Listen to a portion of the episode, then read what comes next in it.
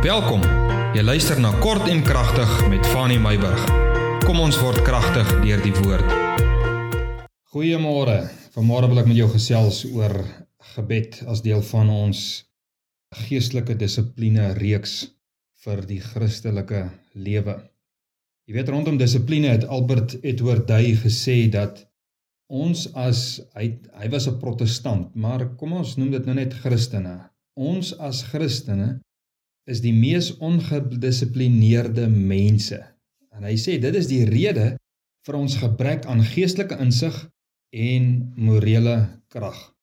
Jy weet ons hoef dit nou nie toe te pas op die kerk spesifiek nie, maar ek dink oor die algemeen kan ons sê dat uh, ongedissiplineerdheid is 'n geweldige groot rede vir ons gebrek definitief aan geestelike insig en ook so in die fisiese wêreld waarin ons lewe.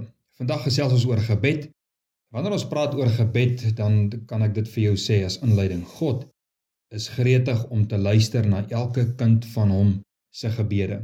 Jy weet as ons kyk na al die geestelike dissiplines, is gebed sekerlik tweede in rang van volgorde as 'n mens dit so kan noem. Jy weet die Handelinge Kerk het die inneem van God se woord en gebed bo aan hulle lys van prioriteite geplaas, waarna dan nou nagmaal en byvoorbeeld die samekoms in klein groepe, die huiskerke gevolg het. En iemand het eendag gesê en ek dink dit is korrek gestel dat sonder hierdie twee basiese godsdienstige oefeninge, die lees, die inneem van die woord en gebed, is al hierdie ander oefeninge in 'n mate leeg en kragteloos. So inneem van die woord en gebed maak dat daar krag en waarde in ons godsdienstbeoefening is. Nou ons het hierdie loop van die jaar het ons redelik aandag gegee aan gebed en vir baie sal vandag se gedagte, vandag se dissipline baie waarhede na vore toe roep en uh, vir die van julle wat dit nog nie deurgegaan het saam met ons nie, sal hierdie vir julle baie kosbare gedagte wees en dit is gebed. Jy weet, eerstens kan ons definitief sê dat Jesus verwag van ons om te bid. En as ons in die Bybel gaan kyk, iemand wat nog geweldig baie klem op gebed gelê het, was dit Paulus geweest. Jy weet Jesus het nie net van ons verwag eh, in die in die Bybel en verwag nie vandag net van ons dat ons moet bid nie, maar Jesus het 'n leefstyl van gebed gelewe. Ons lees in Matteus 6 dat daar 4 keer verwys word na hierdie woorde wanneer jy bid. In Lukas 11 sê Jesus dat ons moet vra, ons moet soek en ons moet klop en ons moet dit aanhoudend doen sonder ophou. Lukas 18 sê Jesus vir sy disippels dat hulle moet bid. Daar's 'n definitiewe woord gebruik wat sê hulle moet bid. Paulus het in Kolossense 4 vers 2 gesê dat ons moet volhard in gebed. En 1 Tessalonisense 5 vers 17 sê Paulus ons moet bid sonder ophou. Dit is Jesus se verwagting dat ons moet bid. Luther het gesê soos dit die werk van 'n kleremaker is om klere te maak en die werk van 'n skoenmaker is om skoene te maak, is dit ons taak om te bid. Daarom, eerstens, as dit gaan oor gebed, jy moet leer om te bid. Dit was Jesus se disippels se begeerte gewees in Lukas 11 vers 1 toe hulle vir Jesus gevra het: "Here, leer ons om te bid." Nou kan jy vanmôre vir my vra, maar Hoe leer ons om te bid? Hoe gaan Jesus sy disippels antwoord? Hoe kan ons 'n antwoord vind uit die Bybel? En ek dink een van die belangrikste dinge is deur te bid. Ons leer om te bid wanneer ons bid. Jy ken die Engelse gesegde wat sê practice makes perfect. Andrew Murray, ek het 'n geweldige hoë dink van Andrew Murray. Hy het daar in die 1800s iewers tot in 1917 het hy gelewe, maar hy het gesê dat jy baie kan lees oor gebed, jy kan baie leer oor gebed en jy kan hoor hoe ander bid, maar daar's net een manier hoe jy moet leer bid en dit is gebed moet geoefen word. Dit is die beste leerskool. Nommer 2, hoe leer ons om te bid?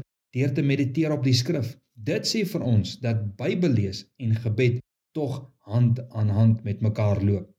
Jy lees die woord en jy bid of die presiese woorde wat op jou van toepassing gemaak kan word of jy gebruik dit as 'n riglyn om jou gebed as ek kan sê vlerke te kan gee. Nou kan jy met God praat oor die skrif. Sou dit 'n belofte wees, kan jy die Here herinner aan sy belofte As jy lees byvoorbeeld oor straf, kan jy sê Here, hierdie is my toestand, hierdie is my omstandighede. Ek het verval in sonde. Ek weet daar is straf op sonde. Here, ek vra vergifnis. Jy kan bid oor vreugde. Here, u woord sê u gee vir ons 'n gewaad van lof vir 'n verslae gees.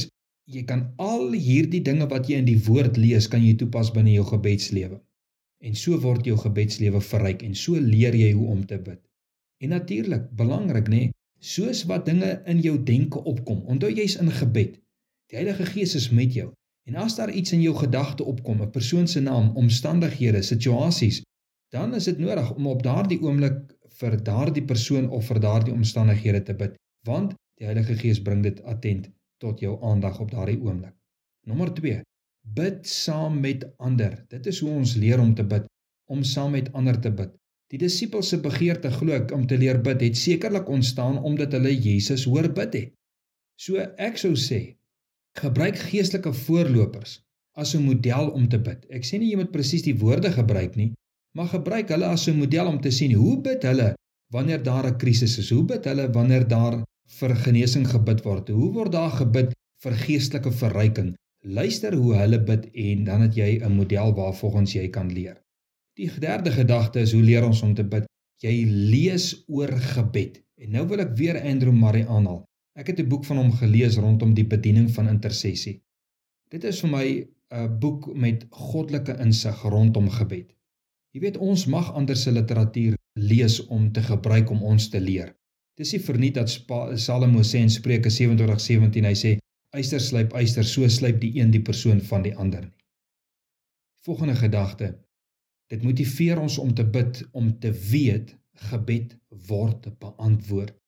Hier sukkel die meeste van ons nie altyd oor hierdie gedagte en dit is ons wonder of gebed nog beantwoord word. Daar is 'n mate van twyfel in ons hart dat as ek gaan bid, gaan dit ooit waar word? Sal die Here my hoor en sal die Here dit beantwoord? Maar dit is nie verniet wat Matteus 7 vers 7 tot 8 sê dat die wat vra sal beantwoord word. Die wat klop se deur sal vir hulle oopgemaak word en die wat soek sal tog vind nie.